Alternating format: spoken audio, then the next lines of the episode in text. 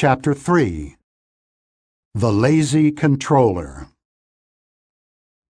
I spend a few months each year in Berkeley, and one of my great pleasures there is a daily four mile walk on a marked path in the hills with a fine view of San Francisco Bay. I usually keep track of my time and have learned a fair amount about effort from doing so.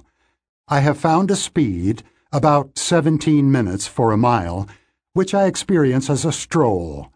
I certainly exert physical effort and burn more calories at that speed than if I sat in a recliner, but I experience no strain, no conflict, and no need to push myself. I am also able to think and work while walking at that rate. Indeed, I suspect that the mild physical arousal of the walk may spill over into greater mental alertness. System 2 also has a natural speed. You expend some mental energy in random thoughts and in monitoring what goes on around you, even when your mind does nothing in particular, but there is little strain. Unless you are in a situation that makes you unusually wary or self-conscious, monitoring what happens in the environment or inside your head demands little effort. You make many small decisions as you drive your car, absorb some information as you read the newspaper, and conduct routine exchanges of pleasantries with a spouse or a colleague, all with little effort and no strain. Just like a stroll.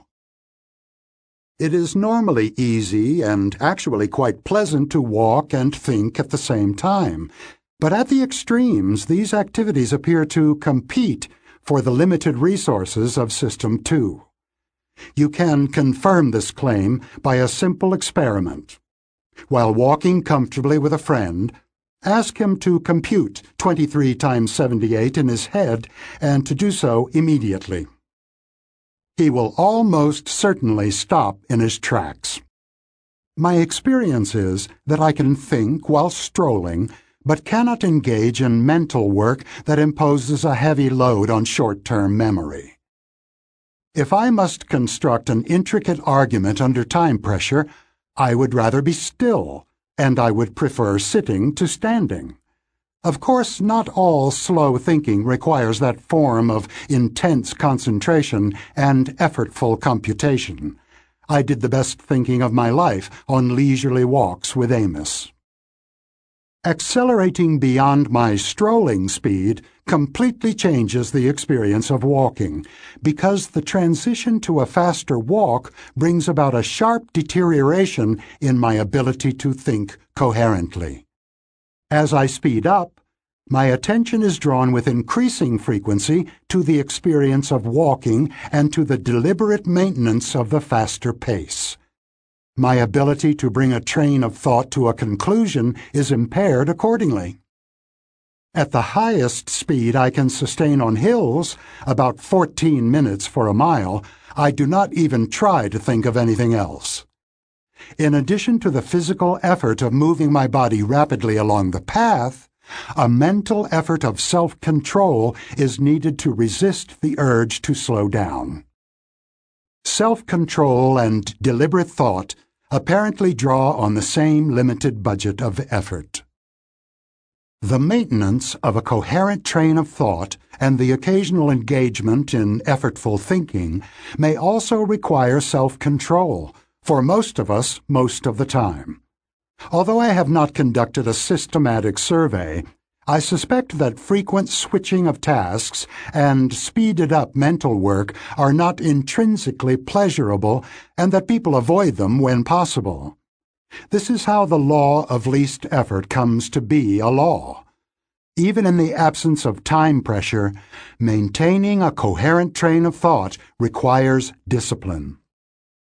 An observer of the number of times I look at email or investigate the refrigerator during an hour of writing could reasonably infer an urge to escape and conclude that keeping at it requires more self-control than I can readily muster. Fortunately, cognitive work is not always aversive, and people sometimes expend considerable effort for long periods of time without having to exert willpower. The psychologist Mihaly Csikszentmihalyi has done more than anyone else to study this state of effortless attending, and the name he proposed for it, flow, has become part of the language. People who experience flow describe it as a state of effortless concentration so deep that they lose their sense of time, of themselves, of their problems, and their descriptions of the joy of that state are so compelling that Csikszentmihalyi has called it an optimal experience. Many activities can induce a sense of flow, from painting to racing motorcycles, and for some fortunate authors I know, even writing a book is often an optimal experience. Flow neatly separates the two forms of effort concentration on the task and the deliberate control of attention.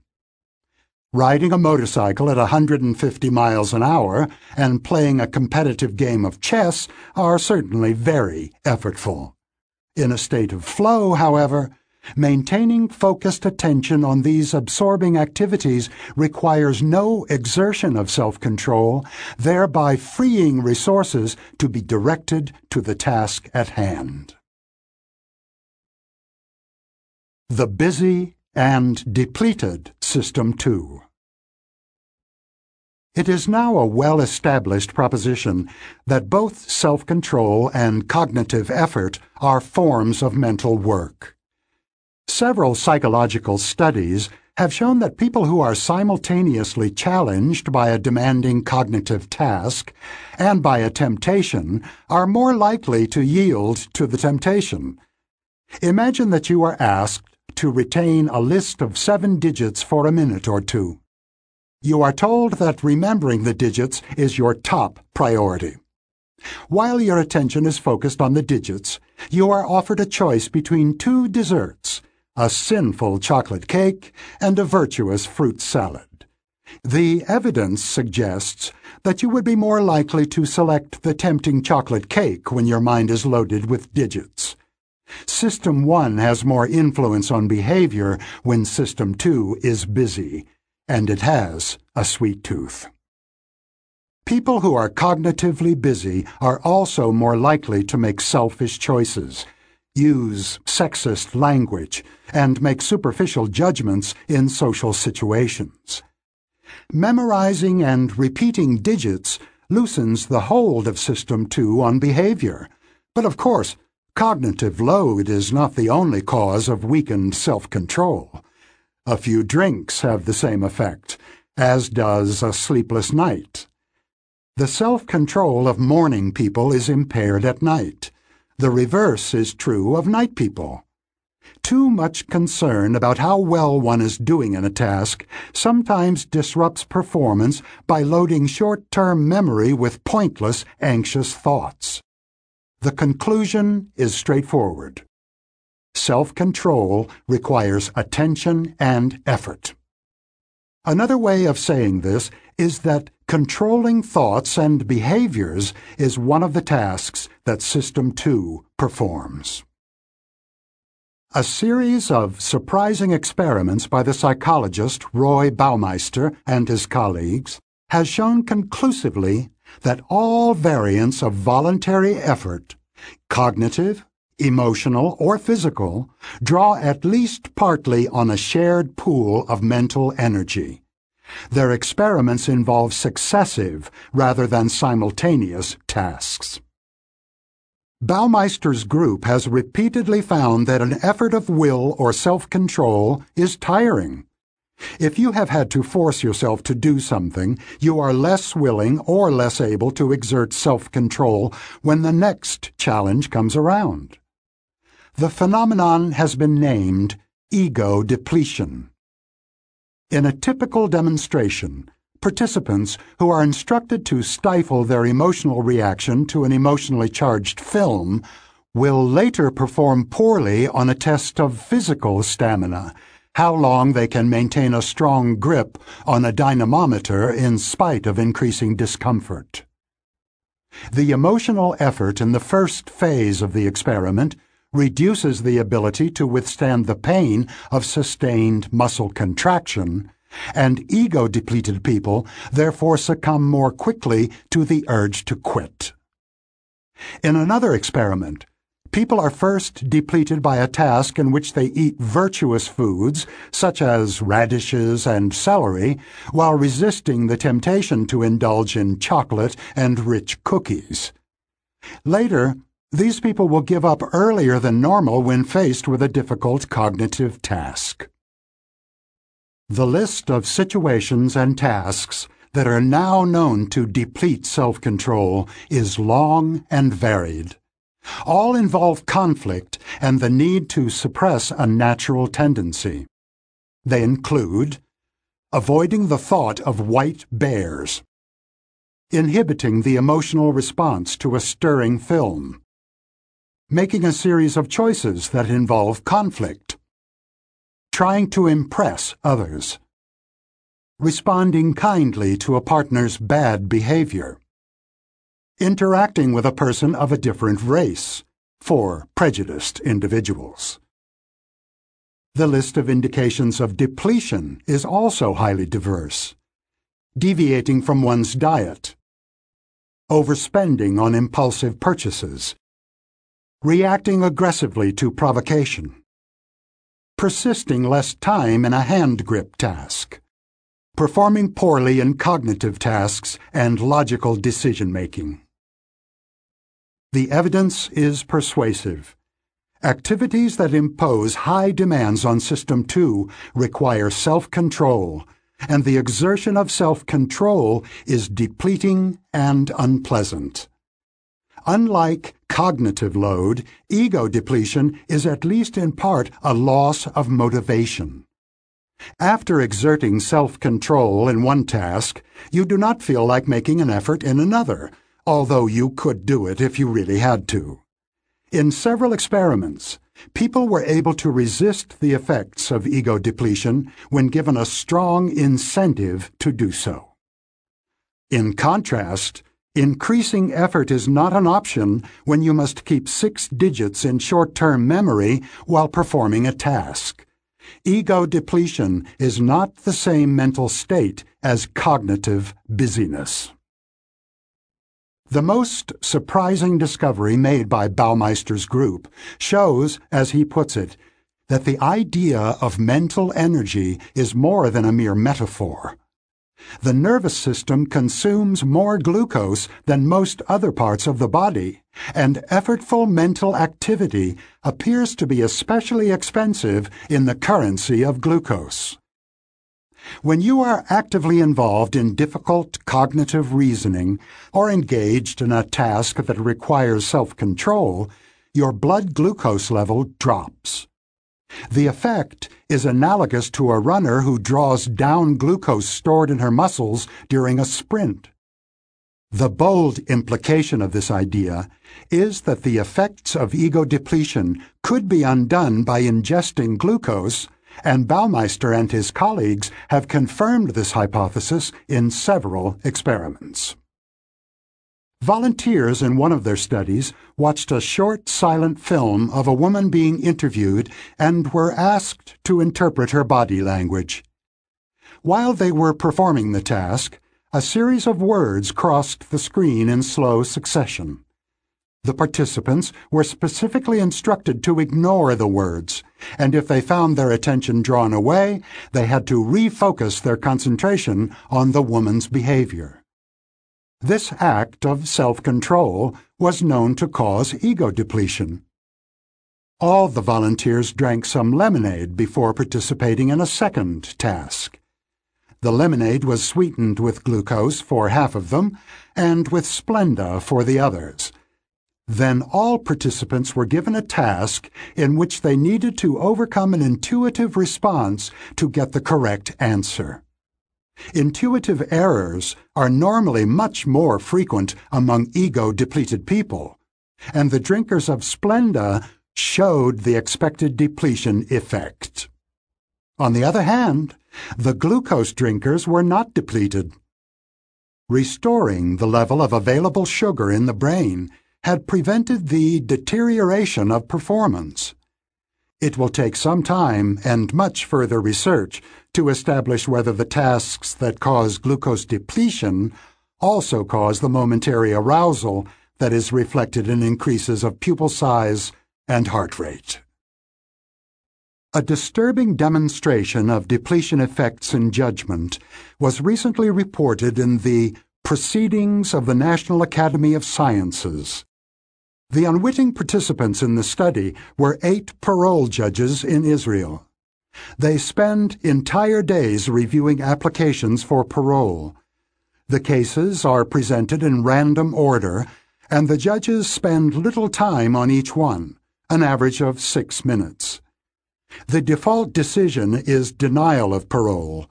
Only 35% of requests are approved.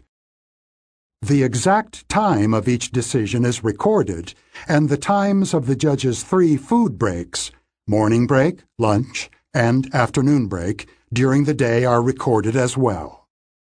The authors of the study plotted the proportion of approved requests against the time since the last food break. The proportion spikes after each meal, when about 65% of requests are granted. During the two hours or so until the judge's next feeding, the approval rate drops steadily to about zero just before the meal. As you might expect, this is an unwelcome result, and the authors carefully checked many alternative explanations. The best possible account of the data provides bad news.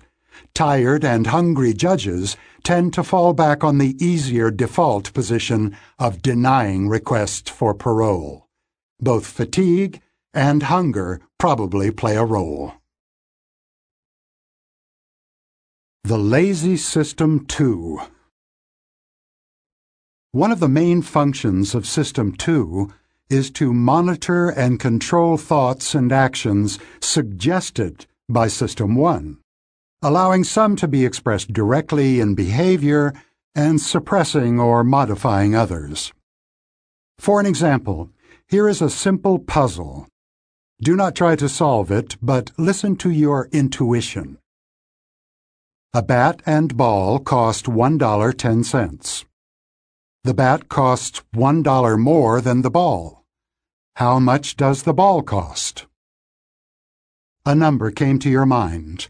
The number, of course, is 10, 10 cents. The distinctive mark of this easy puzzle is that it evokes an answer that is intuitive, appealing, and wrong. Do the math and you will see. If the ball costs 10 cents, then the total cost would be $1.20, 10 cents for the ball, and $1.10 for the bat. Not $1.10. The correct answer is 5 cents. It is safe to assume that the intuitive answer also came to the mind of those who ended up with the correct number. They somehow managed to resist the intuition. Shane Frederick and I worked together on a theory of judgment based on two systems, and he used the bat and ball puzzle to study a central question. How closely does System 2 monitor the suggestions of System 1? His reasoning was that we know a significant fact about anyone who says that the ball cost 10 cents. That person did not actively check whether the answer was correct, and her System 2 endorsed an intuitive answer that it could have rejected with a small investment of effort. Furthermore, we also know that the people who give the intuitive answer have missed an obvious social cue. They should have wondered why anyone would include in a questionnaire a puzzle with such an obvious answer. A failure to check is remarkable because the cost of checking is so low. A few seconds of mental work, the problem is moderately difficult, with slightly tensed muscles and dilated pupils could avoid an embarrassing mistake. People who say 10 cents appear to be ardent followers of the law of least effort. People who avoid that answer appear to have more active minds. Many thousands of university students have answered the bat and ball puzzle, and the results are shocking. More than 50% of students at Harvard, MIT, and Princeton gave the intuitive, incorrect answer. At less selective universities, the rate of demonstrable failure to check was in excess of 80%.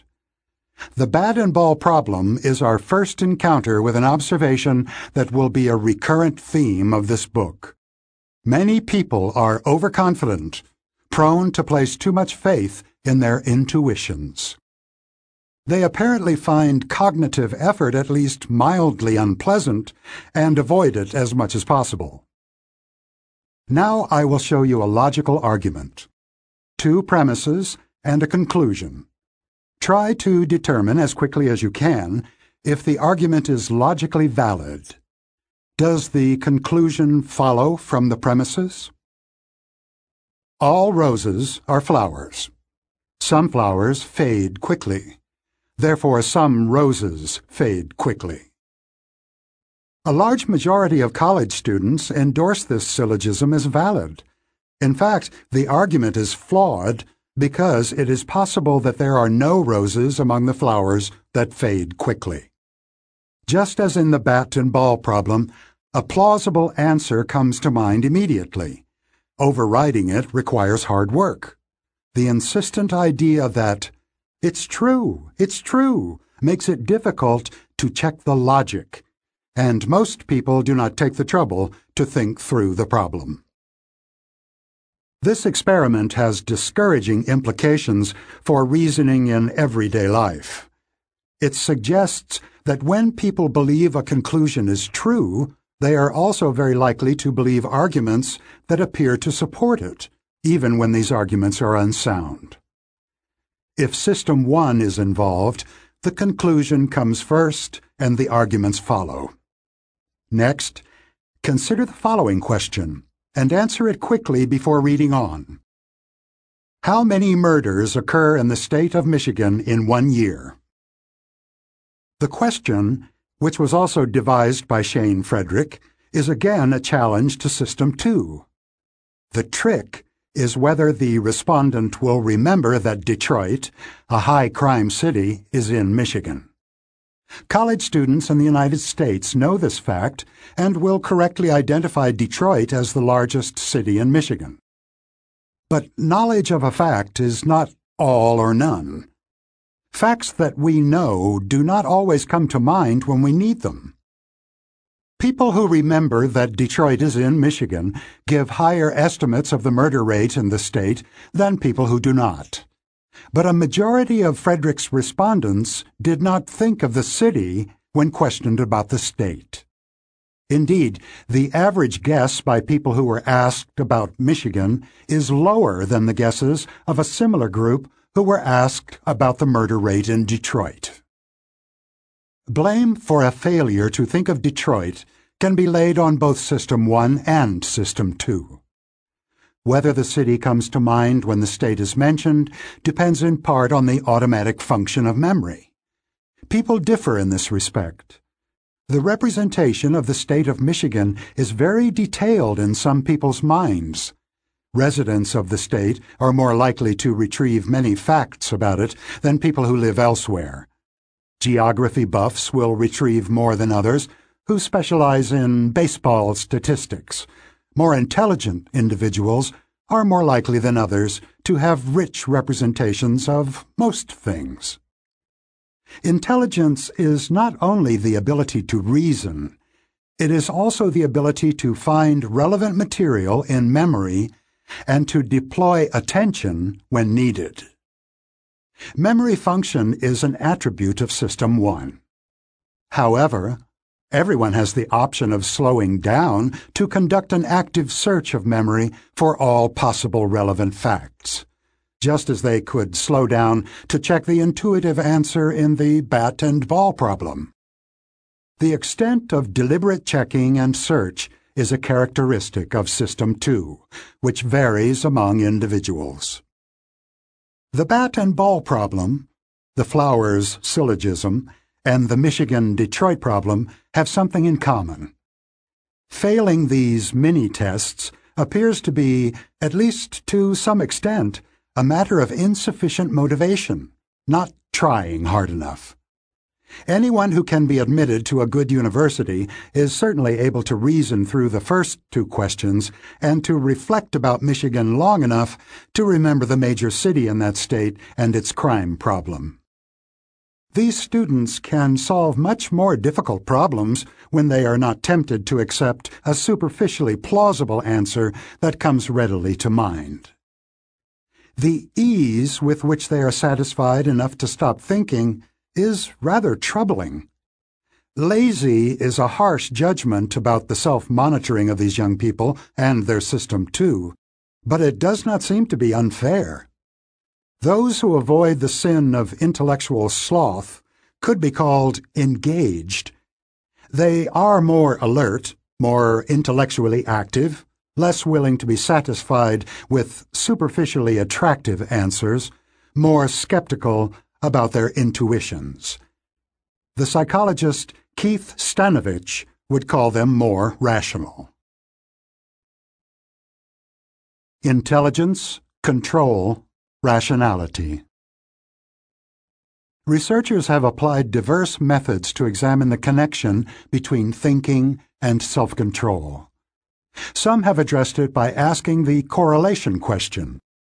If people were ranked by their self-control and by their cognitive aptitude, would individuals have similar positions in the two rankings? In one of the most famous experiments in the history of psychology, Walter Mischel and his students exposed four-year-old children to a cruel dilemma. They were given a choice between a small reward, one Oreo, which they could have at any time, or a larger reward, two cookies, for which they had to wait 15 minutes under difficult conditions. They were to remain alone in a room, facing a desk with two objects a single cookie and a bell that the child could ring at any time to call in the experimenter and receive the one cookie. As the experiment was described, there were no toys, books, pictures, or other potentially distracting items in the room. The experimenter left the room and did not return until 15 minutes had passed, or the child had rung the bell, eaten the rewards, stood up, or shown any signs of distress. The children were watched through a one-way mirror, and the film that shows their behavior during the waiting time always has the audience roaring in laughter. About half the children managed the feat of waiting for 15 minutes, mainly by keeping their attention away from the tempting reward. Ten or fifteen years later, a large gap had opened between those who had resisted temptation and those who had not. The resistors had higher measures of executive control in cognitive tasks, and especially the ability to reallocate their attention effectively. As young adults, they were less likely to take drugs a significant difference in intellectual aptitude emerged. The children who had shown more self-control as four-year-olds had substantially higher scores on tests of intelligence. A team of researchers at the University of Oregon explored the link between cognitive control and intelligence in several ways, including an attempt to raise intelligence by improving the control of attention. During five 40-minute sessions, they exposed children aged 4 to 6 to various computer games especially designed to demand attention and control. In one of the exercises, the children used a joystick to track a cartoon cat and move it to a grassy area while avoiding a muddy area. The grassy areas gradually shrank and the muddy area expanded, requiring progressively more precise control.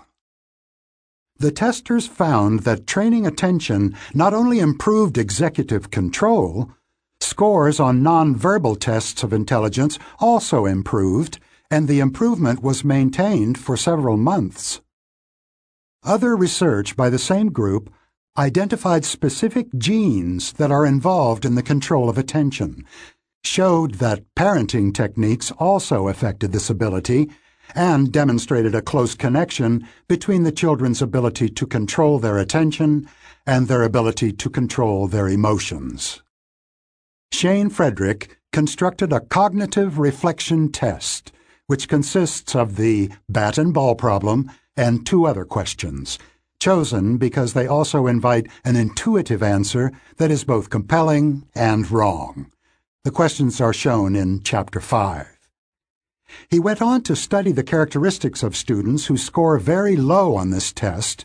The supervisory function of System 2 is weak in these people, and found that they are prone to answer questions with the first idea that comes to mind and unwilling to invest the effort needed to check their intuitions. Individuals who uncritically follow their intuitions about puzzles are also prone to accept other suggestions from System 1. In particular, they are impulsive, impatient, and keen to receive immediate gratification. For example, 63% of the intuitive respondents say they would prefer to get $3,400 this month rather than $3,800 next month. Only 37% of those who solve all three puzzles correctly have the same short-sighted preference for receiving a smaller amount immediately. When asked how much they will pay to get overnight delivery of a book they have ordered, the low scorers on the cognitive reflection test are willing to pay twice as much as the high scorers. Frederick's findings suggest that the characters in our psychodrama have different personalities. System 1 is impulsive and intuitive. System 2 is capable of reasoning, and it is cautious, but at least for some people it is also lazy. We recognize related differences among individuals. Some people are more like their System 2, others closer to their System 1. This simple test has emerged as one of the better predictors of lazy thinking. Keith Stanovich and his longtime collaborator Richard West originally introduced the terms System 1 and System 2. They now prefer to speak of Type 1 and Type 2 processes. Stanovich and his colleagues have spent decades studying differences among individuals in the kinds of problems with which this book is concerned. They have asked one basic question in many different ways. What makes some people more susceptible than others to biases of judgment? Stanovich published his conclusions in a book titled Rationality and the Reflective Mind, which offers a bold and distinctive approach to the topic of this chapter. He draws a sharp distinction between two parts of System 2. Indeed, the distinction is so sharp that he calls them separate minds. One of these minds, he calls it algorithmic, deals with slow thinking and demanding computation. Some people are better than others in these tasks of brain power. They are individuals who excel in intelligence tests and are able to switch from one task to another quickly and efficiently. However, Stanovich argues that high intelligence does not make people immune to biases. Another ability is involved, which he labels rationality. Stanovich's concept of a rational person is similar to what I earlier labeled engaged. The core of his argument is that rationality should be distinguished from intelligence. In his view, superficial or lazy thinking is a flaw in the reflective mind, a failure of rationality. This is an attractive and thought-provoking idea. In support of it, Stanovich and his colleagues have found that the bat and ball question and others like it are somewhat better indicators of our susceptibility to cognitive errors than our conventional measures of intelligence, such as IQ tests. Time will tell whether the distinction between intelligence and rationality can lead to new discoveries. Speaking of control. She did not have to struggle to stay on task for hours. She was in a state of flow. His ego was depleted after a long day of meetings, so he just turned to standard operating procedures instead of thinking through the problem. He didn't bother to check whether what he said made sense. Does he usually have a lazy System 2? Or was he unusually tired? Unfortunately, she tends to say the first thing that comes into her mind. She probably also has trouble delaying gratification. Weak System 2.